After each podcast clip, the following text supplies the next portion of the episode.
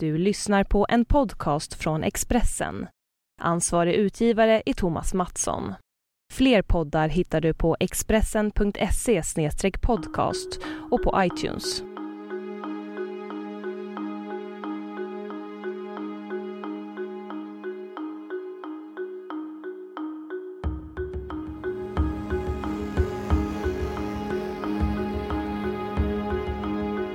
Det här är poddversionen av reportaget Hit går IS olja egentligen. Först publicerat på Expressens utrikessajt geo.se. Jag heter Karl Frid Kleberg och är utrikesreporter på Expressen.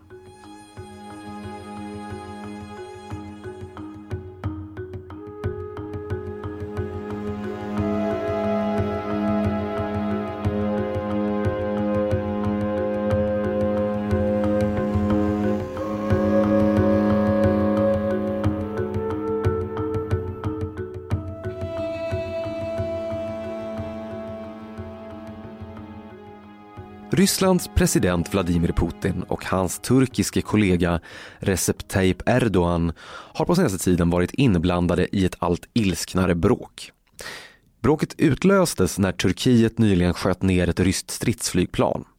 Del av bråket handlar om vilken sida om den syrisk-turkiska gränsen det här ryska flygplanet befann sig på och om Turkiet varnade innan man sköt ner det.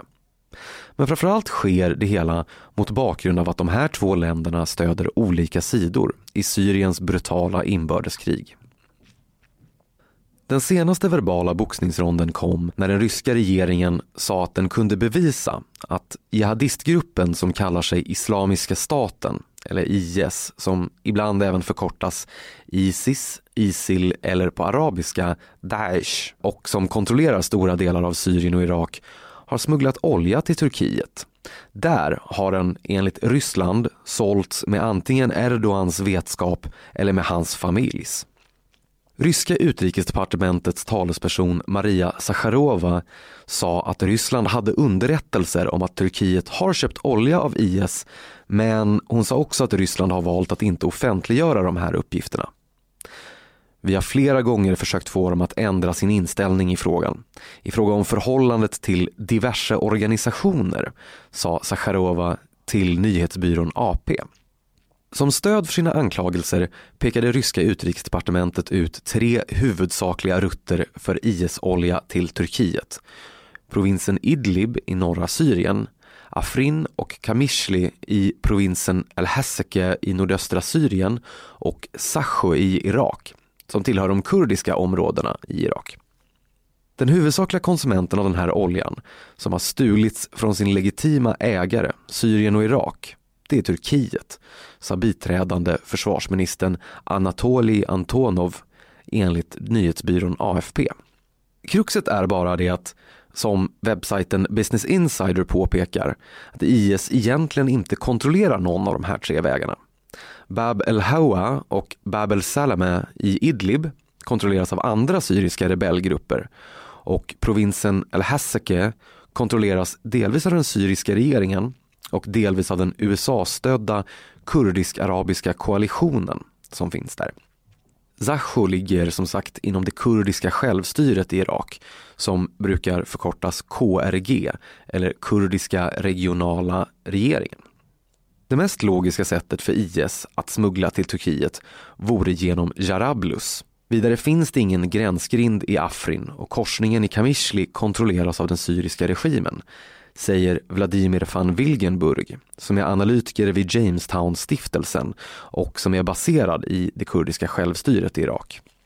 Det är hur som helst bara del i ett propagandakrig mellan ryssarna och turkarna och förmodligen är de flesta lokala aktörer involverade i att köpa bränslet, antingen för egen konsumtion eller som mellanhänder som vill tjäna snabba pengar, fortsätter van Wilgenburg. Om Ryssland på ett felaktigt sätt generaliserat kring olika väpnade grupper i Syrien vore det inte första gången. Ryssland har nyligen trappat upp sin roll i Syriens krig, vilket ryska myndigheter förklarade med att man stred mot IS. I själva verket så har Ryssland mest attackerat andra väpnade grupper och bombat i områden där IS inte har någon direkt närvaro. Det har lett de flesta bedömare att dra slutsatsen att Ryssland mest ingriper för att stötta upp den syriska presidenten Bashar al-Assads regim som ser Ryssland som en av sina viktigaste allierade. Ryssland har senare medgett att man slåss mot andra grupper än IS och precis som den syriska regimen så betraktar man egentligen alla som har tagit upp vapen mot Bashar al-Assads regering för att vara terrorister. Men från den ryska sidan fortsätter ändå budskapet att man primärt har ingripit för att besegra just IS. Turkiet har, eventuellt enligt den sedan länge erkända principen om att den som nämndet han klämdet, sen försökt vända läget och har istället hävdat att det är Ryssland som är inblandat i oljehandeln med IS. Turkiske presidenten, som har sagt sig vara beredd att avgå om Ryssland kan bevisa sina anklagelser, pekade ut en viss syrisk-rysk affärsman som nyligen belades med EU-sanktioner. Vem köper olja av IS? frågade sig Erdogan enligt Newsweek och besvarade sin egen fråga så här. Låt mig säga det. George Haswani, innehavare av ett ryskt pass och syrier, är en av de största handlarna i det här. I EU-dokumentet om de här nya sanktionerna beskrivs Haswani som nära involverad med den syriska regimen men även kopplad till ryska oljebolaget Strojtransgas. Han uppges göra business med IS som EU med en äldre förkortning kallar ISIL. George Haswani ger stöd och hjälp till regimen, den syriska alltså, genom sin roll som mellanhand i affärer där olja köps från Isil av den syriska regimen, står det i det här dokumentet. Även två andra syrier med koppling till syrisk oljehandel har lagts till sanktionslistan från EU som också har blivit slagträ i det hetska bråket mellan Turkiet och Ryssland. Att grälande sidor i den syriska konflikten anklagar varandra för att köpa olja av IS, det är inte direkt något nytt i den här konflikten. Turkiet, al-Assad-regimen, Jordanien, kurder, andra syriska rebeller och irakiska nätverk har alla anklagats för att köpa olja av den fruktade och internationellt terrorstämplade jihadistgruppen. Men hur ligger det egentligen till då? Svaret på den frågan är både enklare och knepigare än vad det kan verka vid första anblick. Många detaljer, bland annat om inblandade individer, omfattning och vilken sorts pengar det handlar om är oklara och alla uppgifter bör man ta med en nypa salt. Särskilt efter de här handeln med olja i IS områden utvecklas och ändrar form hela tiden. Med det sagt så vet man faktiskt några saker. Det korta svaret är alla. Alla köper olja av IS. Det lite längre svaret är Typ alla köper olja av IS, men vad menar vi egentligen med köper olja av IS? För att reda ut det här läget har vi på Geo snackat med flera ledande experter om hur handeln med IS olja fungerar. Det finns egentligen tre saker man måste förstå för att sätta sig in i hur den här oljehandeln fungerar. Det första är att det faktum att individer från ett visst land, till exempel Turkiet, eller ett visst område, till exempel det kurdiska självstyret i Irak, handlar med IS, eh, det betyder inte att myndigheterna i samma område också gör det. Med det sagt så finns det individer i alla läger, även IS bittraste fiender, som är beredda att via mellanhänder köpa olja av IS. Den tredje punkten det är att de som köper mest olja av IS, det är folket i områden som IS kontrollerar. Inte några främmande makter eller fiender, konkurrenter eller rivaler till IS. Förmodligen så överdrivs IS beroende av och inkomster från olja, ofta i medier. Det ger en lite märklig bild, både av IS och av andra som på något sätt har med den här gruppen att göra, vare sig det handlar om skumraskaffärer eller bombräder. IS tjänar en hel del pengar på att sälja olja, ungefär 28 procent av sina inkomster enligt eh, dokument som läcktes och som beskriver förhållandena kring förra årsskiftet i provinsen Deir Men Konfiskering av egendom i områden som gruppen kontrollerar har, enligt de här uppgifterna, varit en betydligt större inkomstkälla. Även i Deresor som sticker ut genom att vara troligtvis det oljerikaste område som IS kontrollerar. De här konfiskeringarna, som IS själva kallar det i alla fall, utgjorde vid förra årsskiftet ungefär 45 procent av gruppens intäkter. På tredje plats, ändå ganska nära olje och gaspengarna, kommer beskattning på drygt 24 procent av IS inkomster i Deresur. Om man bakar ihop det med konfiskering i den något grumliga kategorin utpressning så är den överlägset störst. Det betyder för det första att IS statsbyggande, så kallat, måste tas på allvar. Men också att bombningen av IS olja enligt många bedömare är mindre effektivt än vad västmakter ofta vill framhålla. Särskilt eftersom samma västmakter har dragit sig för att förstöra en del central infrastruktur och oljebrunnar själva. Enligt många bedömare i hopp om att de delarna kan bevaras och användas i en framtid där IS drivits bort från de här områdena. Av amerikanska försvarsdepartementets uppgifter framgår också att oljeinfrastruktur verkar relativt lågt prioriterat i bombningarna. Men att IS tjänar stora pengar på olja, det står ändå klart. Kanske så mycket som 50 miljoner dollar i månaden enligt irakiska uppskattningar som nyhetsbyrån AP tagit del av. IS tros utvinna upp till 30 000 fat olja om dagen i Syrien och kanske 10 till 20 000 fat i Irak. IS kontrollerar idag ett sofistikerat smugglingsimperium som infiltrerat och tagit över sedan länge existerande smugglingsnätverk. Nätverk som etablerades inte minst när Irak var belagt med sanktioner och hade svårt att sälja sitt svarta guld. Att IS har sålt olja som sedan fraktats över den turkiska gränsen det är väl känt.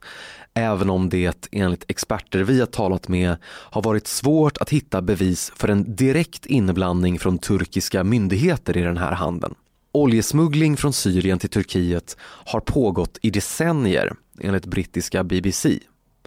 Däremot har minst enskilda tjänstemän hittat en nätt sidoinkomst i att titta åt ett annat håll. Och kritiker anklagar den turkiska säkerhetstjänsten för att se mellan fingrarna på handeln. Det på samma sätt som Turkiet har sett mellan fingrarna med de tusentals utlänningar som olagligt korsat gränsen för att ansluta sig till jihadistgrupper i Syrien. Jihadistgrupper som i sin tur begått fasansfulla brott. Ett år sedan slog turkiska myndigheter till mot smuggling i staden Besaslan dit olja transporterades genom rör under marken efter en omfattande granskning av nyhetssajten Buzzfeed. Att IS direkt eller indirekt har sålt olja till den syriska regimen, det är något som oppositionella länge har hävdat. Men de anklagelserna har också stöd i officiella dokument och uttalanden, bland annat från USA och EU. Den syriska regeringens armé är, som alla krigsmakter, en törstig bäst och de laster som Syrien, belagt med hårda internationella sanktioner, får från Iran och andra vänligt inställda länder, det räcker helt enkelt inte. Al-Assad-regimen har tagit emot stora kvantiteter olja från IS, sa tyska utrikesdepartementets talesperson Sausan Shebli nyligen. Vi har bevis. Vi har indikationer som visar att så är fallet fortsatte talespersonen. Att IS har sålt olja till kurdiska mellanhänder i Irak och Syrien är enligt medieuppgifter och bedömare även det ett faktum. Och medan kurdiska peshmerga-styrkor kämpat hårt på frontlinjerna mot IS så har korrupta befälhavare samtidigt släppt igenom oljelaster från IS-kontrollerade områden enligt brittiska tidningen The Guardian och källor som vi talat med. Kurdiska myndigheter har dock slagit tillbaka hårt mot det här problemet efter påtryckningar från bland annat USA. Och de här myndigheterna förnekar nu bestämt att det finns en koppling mellan kurdiska myndigheter och handeln med IS-olja. Det är en slutsats som annars hade kunnat dras av Rysslands så kallade bevis för oljetransporter genom kurdiskt kontrollerade gränsstationer. I IS tidigaste dagar fanns det flera fall av handel med IS men den kurdiska regionala regeringen bildade en utredningskommitté. Som ett resultat av det greps ett antal personer anklagade för koppling till terrorism och de handelsvägarna blockerades, säger en kurdisk tjänsteman till mig och ber att få vara anonym. Vi kan säga att som en konsekvens av de insatserna så är handeln från Iraks kurdiska region med IS idag obefintlig, fortsätter den här kurdiska tjänstemannen. Att IS säljer olja till rivaliserande syriska rebeller, det är också känt. Trots att syriska rebellgrupper varit bland de som stridit allra hårdast mot IS.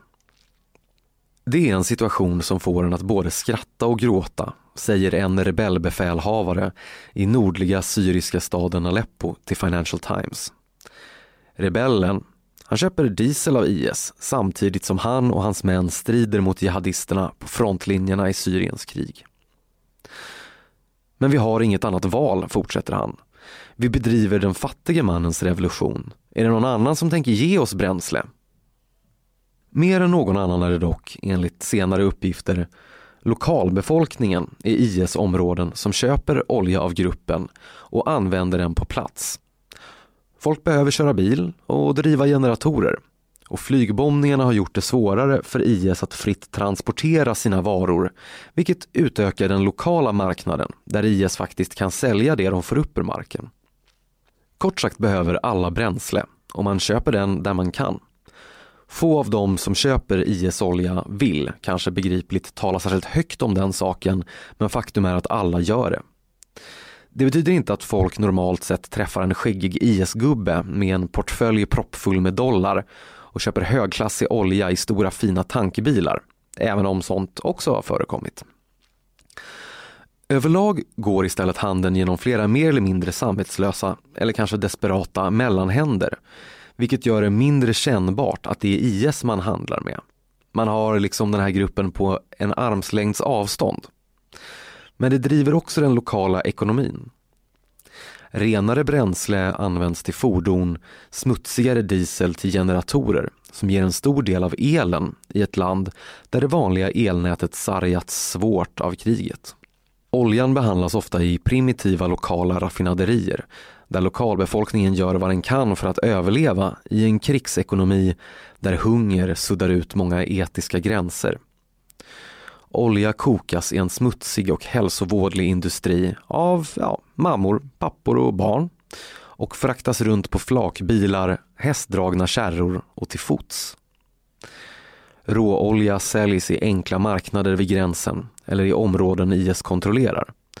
Eller så fraktas den vidare förbi vägspärrar och gränskontroller bemannad av korrupta tjänstemän och soldater av alla tänkbara slag. Delvis inom områden IS kontrollerar, men även över gränsen till Irak och framförallt Syriens grannländer. Lokalbefolkningen, som alltid i någon mån har arbetat med att utvinna och behandla den här oljan, så har också kunskaperna och kompetensen IS behöver för att utvinna oljan funnits. IS led innehåller en del rester från diktatorn Saddam Husseins regim som vet hur oljeindustrin fungerar. Men i grund och botten är det inte så mycket som förändras bara för att IS rycker fram och tar över ett område som tidigare kontrollerades av en nationell regering. Utvinningen rullar i mångt och mycket på som förut, bedriven av samma personer som tidigare utvann olja åt den syriska regeringen. IS fraktade mer av sin egen olja i ett tidigare skede när jihadisterna tryggt kunde röra sig fritt. Men särskilt sedan de internationella bombningarna tog vid så säljer gruppen idag snarare sin produkt direkt från källan enligt Valerie Marcel som är forskare och energiexpert vid den brittiska tankesmedjan Chatham House. Idag handlar det främst om att sälja vid källan så mellanhänder tar hand om frakten och resten av försäljningen, säger hon. De inblandade individerna är privata affärsmän och kanske, eller förmodligen, tulltjänstemän i en hel del fall. Det handlar om att vända bort blicken till de här transaktionerna och det betalas ut pengar till diverse personer i den här kedjan som funnits sedan en rätt lång tid tillbaka. IS oljehandel skiftar snabbt i utseende men de två främsta fraktvägarna ut ur Syrien har i alla fall tidigare gått via Turkiet och via det kurdiska självstyret i Irak, säger Marcel och påpekar samtidigt att alla länder, även Sverige och Storbritannien, har kriminalitet och svarta marknader. Att smuggling förekommer är egentligen rätt självklart, även om kriget har ökat efterfrågan och gett diverse mer eller mindre suspekta aktörer varav en del förmodligen bara vill rädda sin familj från svält medan andra har betydligt mer cyniska motiv, större spelrum. Det är även så att i Syrien så har man i stor utsträckning att göra med väpnade grupper som har begått krigsbrott eller andra hemska övergrepp under den blodiga konflikten. Men alla som kontrollerar områden, vare sig det är rebellgerillor eller regeringar, vill naturligtvis visa att de kan förse sin befolkning med bränsle. Det har funnits väl etablerade nätverk som egentligen bara är affärsmän som utnyttjar ett befintligt behov, säger Marcel. Och fortsätter. Det visar att det finns en begränsad kontroll över det här territoriet från statliga myndigheter och kanske en begränsad vilja att effektivt ta kontroll över alla sådana här transaktioner. IS oljehandel säger någonting viktigt om den här jihadistgruppen. Om den syriska konflikten men också om krig i allmänhet. Tillsammans med IS större inkomster från beskattning och konfiskering så belyser oljepengarna hur IS genom sitt fokus på att kontrollera och dominera territorier särskiljer sig från en del andra ideologiskt liknande grupper. Till exempel al-Qaidas centralorganisation. Den ser sig som ett förstadium till en islamisk stat enligt sin extrema tolkning av islamisk lag. Men al-Qaida har aldrig gått så långt som att utropa en. IS menar blodigt allvar med sitt statsbyggande och vill precis som alla andra visa sig regeringsdugliga i områden där den infört sitt skräckvälde. Det förklarar också varför många experter är eniga om att en seger mot IS kräver att man både vinner över lokalbefolkningen där IS styr, men också tar ifrån IS dess territorier med vapenmakt, eftersom det är där IS hämtar sina stora inkomster.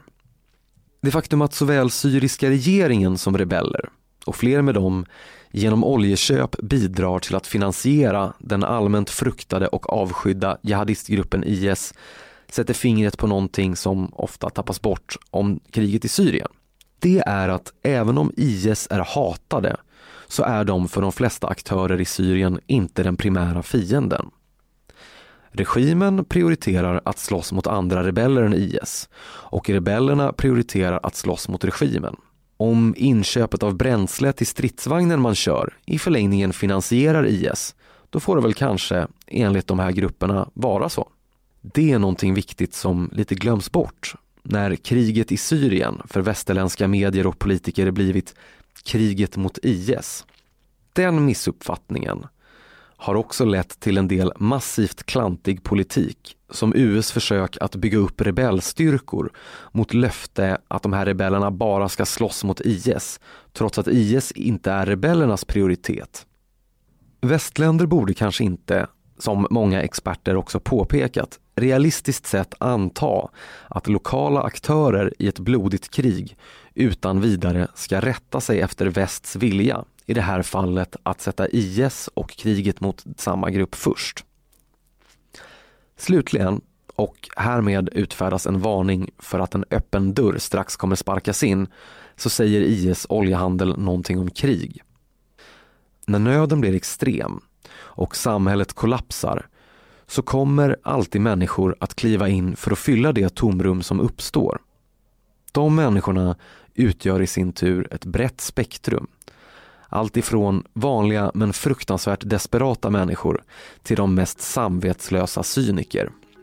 Krigsprofitörer ska inte tas i försvar, men för att sparka upp den här öppnaste av alla dörrar så är krig rent ut sagt förjävligt.